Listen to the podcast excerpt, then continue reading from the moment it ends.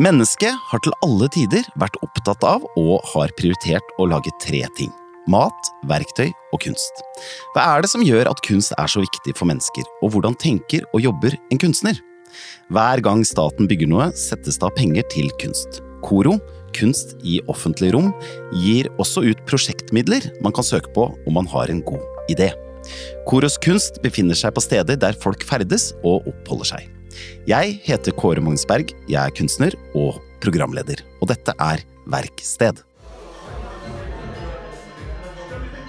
Du er på vei gjennom byen, eller kanskje du er på festival. Plutselig kjenner du at blæret er full, men alt er stengt. Kanskje er det midt på natta, eller en plutselig pandemi har stengt hele hovedstaden. Eller om du er på festival, så er køene milelange utenfor doene, men du strener jo bare bort til pissoaret som står ved siden av, helt uten kø. Hvis du er mann, da. Hvis du er kvinne, eller en som må sitte og tisse, så er alt dette mye vanskeligere. Hvorfor er det egentlig ikke noen pissoarer for dem der ute? Denne episoden handler om et prosjekt som nesten ikke har begynt, men ideen er så god at den måtte med i denne podkasten likevel. Hele Oslo pisser, et eh, feministisk offentlig pissoar. Veldig hyggelig å ha deg her. Jo, takk. Og så heter du da, hele navnet er Marte Elise Stramrud. Og vi skal snakke om et prosjekt som handler om å få lov til å, som kvinne, å tisse i det offentlige rom. Kan vi ikke begynne med å snakke med dine erfaringer? Altså, Hvor vanskelig er det eh, å få gått på do i det offentlige rom? Eh, det har vi faktisk undersøkt da, i dette prosjektet. Vi er helt i startfasen, som du sa. Men eh, vi har gjort en rask kartlegging, og innenfor Ring 2 i Oslo så finnes det åtte offentlige eh, tisseplasser som også kvinner kan eh, benytte seg av. Så det er ikke så veldig lett. Altså, det er jo eh, altfor lite. Ja. Men dine personlige erfaringer, da. Hvor ofte har du opplevd selv eh, at det er et problem å finne et toalett i Oslo? Ja, altså dette har jeg faktisk ikke tenkt så veldig mye over før denne pandemien kom. Høsten 2020 så var jeg i Paris. Og der var det total lockdown. Jeg var på et sånt uh, residency der sammen med kjæresten min. Alt var stengt, altså uh, bortsett fra matbutikker. Så det vil si at du kunne ikke komme inn noen steder. Men du kan gå ut og gå tur. Men da kunne ikke jeg gå så langt. Fordi at eh, hvis jeg hadde drukket en kopp kaffe før jeg dro hjemmefra, eller uansett hadde med meg en flaske vann, så når liksom vannet skal lates når jeg må pisse, rett og slett, så må jeg jo da hjem igjen og inn i huset. Og dette har jo ikke jeg tenkt så veldig mye over tidligere, fordi at jeg har alltid hatt muligheten til å kjøpe meg en symbolsk kaffe, eller betale, sånn som man vanligvis må gjøre eh, på kafeer. Jeg er jo en mann, så det er jo tross alt litt lettere Ja.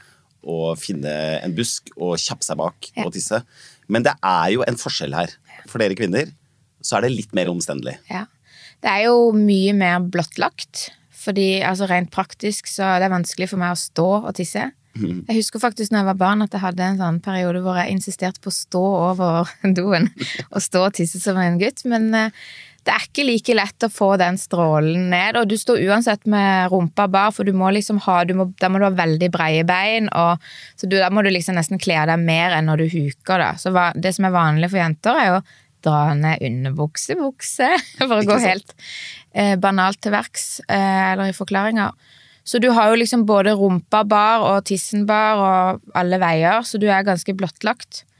Så det er egentlig litt sånn selv, ja, selvforklarende at det er vanskeligere for kvinner.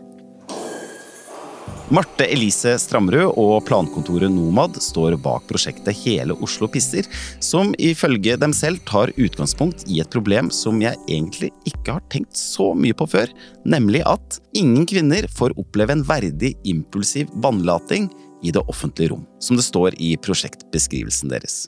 Og nå har de fått penger av Koro til å lage egne pissoarer for kvinner. Marte, hvordan kom ideen?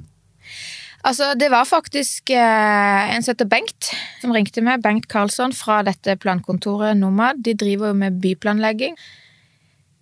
Egentlig tror jeg fordi at han hadde bare lyst til å høre om vi kunne finne på et eller annet prosjekt som, hvor vi kunne finne en sånn sammenfalling mellom byplanlegging og kunst. Men da hadde jeg nettopp, som jeg fortalte i stad, at jeg hadde vært i Paris. Kom hjem, hadde akkurat kommet hjem til Norge og var liksom ganske sånn nesten forbanna på den opplevelsen av at eh, kjæresten min da kunne bare gå videre i kilometer, men jeg måtte liksom Ok, vi, jeg går hjem, jeg. Kom skikkelig forbanna hjem fra Paris, rett og slett. Ja. Sur. Ja. Ja. Og så, og liksom, så en ting, ok, det var i Paris, det var ikke like lockdown i Norge, men når man begynner da å tenke, så skjønner du liksom at ok, det koster penger for å gå på do. Og jeg har tatt meg råd til det fordi at jeg er blitt vant til det, eller det er liksom noe man ikke har liksom, kanskje tenkt så veldig mye over. Eh, men det skal jo ikke være sånn. Det, altså, I ytterste konsekvens så blir det jo et klasseskille mellom de som har eh, De som får lov til å gå på do. de som får lov til å gå på do, de som har pengene til den symbolske latten som kanskje koster 60 kroner, eller hva det koster. Så det er jo ikke billig heller. Og så er man jo på en måte like langt. Man går på doen, kjøper latten, så må man på do igjen. ja, godt poeng. eh, så ideen oppsto vel litt sånn eh, Både eh, frustrert og så er det jo litt, et litt gøyalt prosjekt. Da. Det er liksom ikke Jeg har ikke nødvendigvis for vane til å, å begynne å jobbe med sånne sinneprosjekt, eller sånne frustrasjonsprosjekter. Men det er jo Ja. Jeg tenkte det var både viktig og litt vittig. Plankontoret Nomad jobber med byutvikling og involvering av menneskene som bruker byen. De skal intervjue masse forskjellige folk og kartlegge vegger, hjørner og smug. Marte, hvordan går man frem for å undersøke tissemulighetene for folk flest i en by? Ja, det er jo kanskje heldigvis dette plankontoret som er flinkere til å De har vel et system for hvordan de kartlegger sånne ting. Eh, altså det aller første som vi snakka om, var jo Vi har en følelse av at det er få offentlige toaletter, men stemmer det? Så nå har de gjort en kartlegging eh, hvor de har kikka på hele Ring 2. Og så har vi to kart. Det ene viser alle plassene det er mulighet å gå på do hvis du har penger. Og da er kartet liksom Da er det alle kafeer og, og ja. Og da er det litt Da er det kjempemange. Det har vi ikke Vi har ikke gidda å, å telle det tallet engang. Det er liksom tusenvis. Men eh, hvis man trekker vekk de, og ser hva er det Oslo kommune har satt ut, så er det åtte stykker. Ja, det er innenfor Ring 2, da. Så det er jo kanskje det første å kartlegge. Liksom, er, det, er det en opplevelse av et eh, problem, eller er det et reelt problem? Og det vil jeg jo påstå at det er. Og så, som du sier, liksom, ta seg en tur i parken. Det er ikke, altså, jeg tror det er veldig mange som har den samme opplevelsen av liksom urettferdighet, eller bare upraktisk, litt uverdig, litt sånn Og altså, i ytterste konsekvens kanskje også til og med litt farlig å kle seg halvnaken ute i byrommet for kvinner. For eksempel, eh, nå var det vel i fjor sommer, så satt jeg i Sankthanshaugenparken, på toppen der, og så var det sånn to sånne hibastouer i nærheten. Og så tenkte jeg jøss, ja, vi setter oss her, fordi at da kan man jo gå inn. Jøss, det var jo Det er sikkert noe sånn pandemitiltak fra kommunen, og så står det Nei, det var litt sånn sjenerøst, tenkte jeg. Sånn. Det var jo altså midlertidig, vel å merke, men og så når min tur, eller når blæra var full, så går jeg bort der og åpner den døra og bare lukker den like fort som jeg Altså. Fordi der møtte det et tårn som gikk altså, Over, uten å, Som gikk over doringen og opp og Fy faen, så frekt! Ja. Ikke sett det sånn ertegreie, liksom. Sett den ut, men du kan ikke bruke den, for den er kjempeekkel og full. Den har vi ikke tømt på, jeg vet ikke, tre måneder, eller Det er ikke om et skrikende behov. Det er ja, 100% Vi har jo vært innom det, Marte, men eh, menn og kvinner har to ulike behov når de skal på do. Altså vi menn kan stå. Når du da skal begynne dette arbeidet, så er det noen rene tekniske utfordringer. Og hvordan eh, disse toalettene skal utformes. Eh, det er jeg litt spent på å høre om. Ja, og da har vi snakka Vi har, vi har faktisk eh, nedlagt en, et eh, pissoarråd. Eh, Pissoarråd, ja. Ja, Ja, hvor du er formann. Eh, jeg er formann i pissoarrådet. Eh, og det består av litt forskjellige folk, hvor vi da har diskutert ja, hvilke behov og hva man liksom, hva har man opplevd når man har reist. Sant? Det kan godt hende at, man, at noen har løst dette briljant en annen plass. Og da var det eksempel noen som nevnte at i Japan så hadde de kafétoalett eller et Men hvor det var mulig å stå, det var liksom noe sånn trinn. Det er litt vanskelig å forklare dette uten, altså på, på podkast. Men selv om det skal tilrettelegges for kvinner, så trenger det ikke å bety at det skal ekskluderes for menn. Mm. Men kan man designe noe hvor man både kan huke seg ned uten at det er veldig langt fall, sant? for da spruter det så voldsomt, men at de som kan stå, kan fortsette å stå. Så da må man liksom Ja, vi, har, ja, vi snakker litt sånn teknisk, da.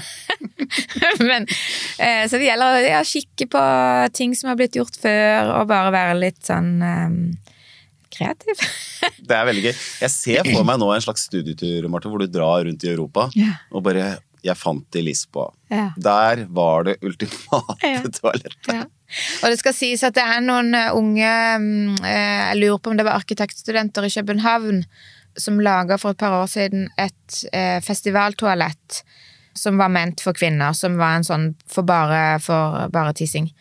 Der er det sånn at hele greia er ganske lav, men altså, det vil si at du, du trer inn i Altså du, du går opp noen trappetrinn, og så er du oppe på et slags podie, men når du hooker deg ned på huk, så har du allikevel huet ditt over kanten. For hvis ikke så kunne det vært veldig utrygt at uh, da kan jo ting foregå på gulvet der inne som ingen får med seg. Mm. Pluss at da ser man jo å, det er opptatt, jeg venter. Ja. Og det, det opplevde jeg sjøl i en park eh, i gamlebyen. Så var det utforminga på den parken var at den lå på sånn høydedrag hvor du gikk opp noen trappetrinn for å komme inn i parken. For da kunne jeg sitte bak en busk, og så hadde jeg huet mitt over busken, men så så jeg ned på gata. Så da følte da hadde jeg oversikt, selv om jeg var liksom nede på huk. Det var, det var litt Så interessant. det, disse Jeg ser nå for meg offentlige toaletter på sånne små topper, ja. så, og folk som sitter og kikker. Det er et veldig flott bilde. Utsiktstårn. Det som er, er at eh, til nå i denne podkasten så høres dette ut som et rent sånt industridesignprosjekt, hvor man da skal løse eh, hvordan et toalett skal se ut. Men dette er jo et kunstprosjekt. Du er kunstner. Starta egentlig som fotograf, men har gått over til keramikk. Og det som er, er at dette skal du lage i keramikk. Og da lurer jeg på Det er vel mest vanlig å bruke porselen? Ja, altså, du har, du har liksom hovedsakelig, hvis du skal gå teknisk inn på det, litt kjapt, så har du tre typer leirer. Du har eh, leirgodsleire, som man brenner litt lavere, som er ofte terrakottarød, litt sånn som blomsterpottene, som er pustende, sant. Du kan også glasere den. Og så har du steingods, eh, som brennes høyere, og som er mer liksom hardfør. Og så har du porselen, som brennes enda høyere. Men porselen er ganske vanskelig å jobbe med. Det er en veldig kort du, Hvis du ser for deg plastelina, det er, en, det er jo ikke leire, men, men den er veldig plastisk. Den er veldig liksom lang i strukturen.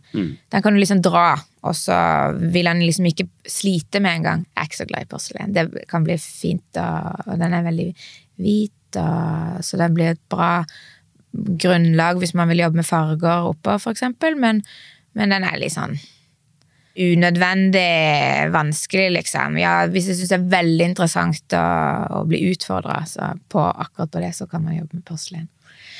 Nå skal det også sies at det vi skal lage, er- blir jo en slags sånn prototype, eller det, kanskje det til og med bare blir et slags Idet du skal set, sende noe ut av kroppen, så må du også ha et dreneringssystem, og det er ganske omfattende. Men det kan jo hende at det blir Det kan være starten på noe. Ja, det, er, det ser jeg for Du meg. Det er, setter i liksom, gang en dorevolusjon der Ja. ute. det er med alvor, liksom. Absolutt. Så, men da må det jo bli i min ånd, da. Da må det bli litt sånn keitete, klumpete, fargerik, eh, ornamental keramikk, kanskje. Men er det noe du må tenke på? Har du kommet så langt at dette skal tåle det det Mm. skal brukes som? Men det er jo der det er jo så fantastisk med keramikk. Og som du sa, jeg kom fra fotografi, jeg jobba med fotografi i mange år. Og så fikk jeg fingrene i leira, egentlig for å fortsette å jobbe med fotografi. Jeg jobba med litt sånn skulpturelle ja, tablåer som jeg har fotografert, og så tenkte jeg kanskje jeg skal lage, kontrollere hele bildet. Kanskje jeg skal liksom forme dette. Det er kanskje leire et bra materiale. Så satt fingrene seg fast i den leira, og så bare nesten kaster jeg kameraene over skuldra. Bare glem det. Det som kanskje var det mest sånn eh, opp, liksom store åpenbaringer for meg når jeg begynte med keramikk, var at jeg forsto hvor hardført det er, når, vel å merke når det har gått igjennom hele prosessen og overlever å komme ut av ovnen. Mm, når det Fordi, gjøres riktig og ja. ja. For det går jo, ikke sant, du for, Når du former det, så er jo leira plastisk, og du kan på en måte, da, da kan du ja, gjøre hva du vil. Og når den har tørka, så er den supersprø og tåler nærmest ingenting. Så det vil si at du må på en måte kunne brenne dette der hvor du har lagd det, eller der hvor du har tørka det. Hvis ikke, så du kan aldri liksom frakte masse kopper i bilen din humpete bort. Da er alt knust til det kommer fram til keramikkovnen. da. Hvis det overlever å bli brent da på 1250 grader cirka, over et døgns tid Det kommer an på, Jeg ha lagd noen store skulpturer som brenner en uke, for eksempel, så det er jo litt eh, kommer an på størrelsen på ting. Men når det da kommer ut, så tåler det jo å gå i oppvaskmaskinen, det tåler å bli spylt med hageslangen. Hvis du velger riktig leire og riktig glasur, som er helt sintra, så kan det også stå utendørs. Det vil ikke falme. Jeg tror ikke jeg vet om noe annet materiale enn keramikk som bare står sånn. Sånn Så det er jo det ultimate, selvfølgelig, pissoarmaterialet, hvis vi skal komme tilbake til det. Du har, fall, du har, i hvert fall funnet et, et, eh, et, materiale som du har blitt skikkelig skikkelig glad i. Ja, det, er som, det. er som å høre du snakker om, om, en mann eller en kjæreste. Du er blitt forelska i keramikk, du, ja. rett og slett. Ja. Du, jeg lurer på, hvilken følelse vil du at, hvis vi tar kvinnen, da, eh, når denne kvinnen er ferdig på toalettet ditt Hvilken opplevelse skal denne personen ha gått gjennom? Åh, da håper jeg at du skal ha like stort smil som jeg har akkurat nå, som ingen kan se. Men at man er litt fornøyd. Ja, åh. Det er lett å bli fnisete når man snakker om dette, men selv om det finnes mye humor i Marte Elises kunst, så har prosjektene hennes også en politisk slagside. Da Sørlandets kunstmuseum fikk hele kunstsamlingen til oljefonddirektør Nicolai Tangen, var Marte Elise en av flere kunstnere som fikk æren av å trekke ut noen favoritter og stille ut sine egne verk sammen med dem. Men da hun fikk se samlingen, så hun at av de 3000 verkene var det forsvinnende få som var laget av kvinner. Dette endte i utstillingen Keramisk faktaopplysning, hvor Marte Elise lagde 76 objekter i keramikk som representerte de kvinnelige kunstnerne som manglet i samlingen. Vi, vi ler jo litt av doprosjektet, og vi, det er god stemning i studiet her. Vi fniser. Men altså, eh, du er jo også, altså, du er en politisk kunstner oppi dette her. Ja, i alle fall. Altså, det er jo litt morsomt at du sier. Man har jo litt sånn kort hukommelse. Fordi at jeg tror kanskje at det keramisk faktaopplysning er det første prosjektet altså, som jeg har gjort som har en så tydelig politisk brodd. Det vil si at i mitt liv er jo de som kjenner meg, eh, de vet at jeg er absolutt politisk engasjert og har for eksempel eh, sittet i tre perioder i styret til UKS og jobber med fagpolitikk og altså Unge kunstneres samfunn. Eh, for liksom sosiale og økonomiske rettigheter for kunstnere. Og jeg er den der som tar diskusjonen på middagsbordet når noen liksom tramper over noe, eller hvis jeg har lyst til å fronte et eller annet. Men jeg har faktisk aldri helt prøvd å, å gjøre det gjennom kunsten min. Inntil jeg fikk den oppgaven der da fra Sørlandets kunstmuseum. For oppgaven der var jo egentlig å eh, velge ut verk. Det er en fantastisk samling. Det finnes masse fine verk i den samlinga, så oppgaven er egentlig dritenkel. Du kan lage nye verk, du kan velge verk du allerede har. Og kunst, det var en gruppeutstilling på ni kunstnere, men alle fikk tildelt hvert sitt rom i museet. Men jeg klarte liksom ikke å bare gå tilbake og avlære den, eh, den statistiske liksom, Det jeg hadde funnet ut av, da, at det var så få kvinner så klarte jeg ikke å fortsette med min vanlige produksjon. Så da måtte jeg liksom kommentere på det, da. Da kom den keramisk faktaopplysning fram. Så det er ja, et verk som på en måte En faktaopplysning skrevet ut i keramikk. Ja, og så er det dette pissoarprosjektet, da. Så det også har jo en sånn klar politisk brodd. Men er det ikke en befriende tanke å tenke at, uh, hvis vi går nå tilbake til pissoaret, ja. at man som kunstner får lov til å Eh, da, jeg kjenner jeg blir litt sånn misunnelig eh, selv. At man er et prosjekt som man både kan tenke rent visuelt, som et skulpturelt prosjekt, og så har det også en eh, ekstremt nytteverdi og trengs der ute. Ja. 100% Og jeg tror også faktisk at det gjør at man blir også kanskje, eller i hvert fall for meg, at jeg blir mer sånn pushy, eller tror mer på det, mer sånn vågal i liksom Tør å ta mer plass, da. Eh, for sånn som eh, nå, hvis jeg går bare raskt tilbake til den eh, keramisk faktaopplysning, så var jo, der var jo jeg ganske freidig og, og fikk og liksom pusha Sørlandets kunstmuseum til å kjøpe det verket inn til samlinga si. Og det handla ikke så veldig mye om å, de må kjøpe meg og min kunst. Men det var liksom Da, da var liksom agendaen Dere må anerkjenne dette problemet. Dere må eh, Det koret av 76 kvinnelige modernister skal stå som en evig påminnelse, liksom, mm. i deres samling. Mm. Og det også er jo et veldig lekent, fargerikt, eh, liksom fullt av liv og, og, og, og, humor, egentlig. Jeg liker å være alvorlig, men det kan ikke bare være Det må være litt sånn eh, gøyalt, da. Men, ja, men man har, kan jo ha med seg begge deler. Det er akkurat det. Det er ikke noe problem, det. Nei. Det er jo litt med det her pissoarprosjektet, da. At det er liksom både på en måte fakta og estetikk. Og glede. Og glede. Jeg har flere kvinnelige kompiser som har klaget over at det er så mye vanskeligere for dem å gå på do når vi er på reiser eller festival. Jeg vet at det finnes en sånn tissetrakt som kvinner kan bruke for å kunne stå og tisse i pissoarer, og andre damer som faktisk øver seg på å stå og tisse. Hadde byene sett annerledes ut om de var designet for kvinner? Ja, det tror jeg faktisk er veldig stor, stor forskjell, ja. Det er jo en liten gren i byplanlegginga som heter feministisk byplanlegging. Eller det er vel noen som har coina det.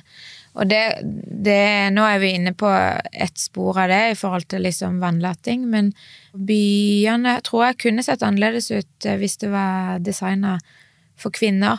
Og man kan til og med kanskje dra det så langt at hvis det designes for kvinner, så kan alle ha det bra. Mm. Det tror jeg du har rett i. Ja. Så kan det hende at eh, dette eh, toalettet ditt bare er starten. Kanskje det kommer andre objekter etter hvert. Jeg må si at eh, det har vært en veldig hyggelig prat, og så gleder jeg meg sjøl til å gå på dette toalettet. Og så skal jeg bare gi et lite tips, mm. og det er kanskje bare fordi jeg er barnslig og mann, men det er gøy å tisse på blink, liksom. Har du ja. tenkt på det? Det er noen pissoarer hvor det er blink. Syns det er gøy, jeg. Ja. Såpass enkel er jeg. Ja. Ikke noe dum i det. Ta det med. Jeg tar det med. Takk. Lykke til med eh, kunstnerskapet og livet generelt, Åh, Tusen takk, og takk for meg. Denne podkasten er produsert av Feelgood Scene Film og TV for Koro, og er laget av Anna Katarina Haukeland, Pernille Skar Nordby og Åsne Jukse fra Koro. Anne Gerd Grimsby Haarr hos Filt, og meg, Kåre Magnus Berg. Episoden er klippet av Bård Solhjem Knutsen, og produsent er Miriam Ofsdal Berg.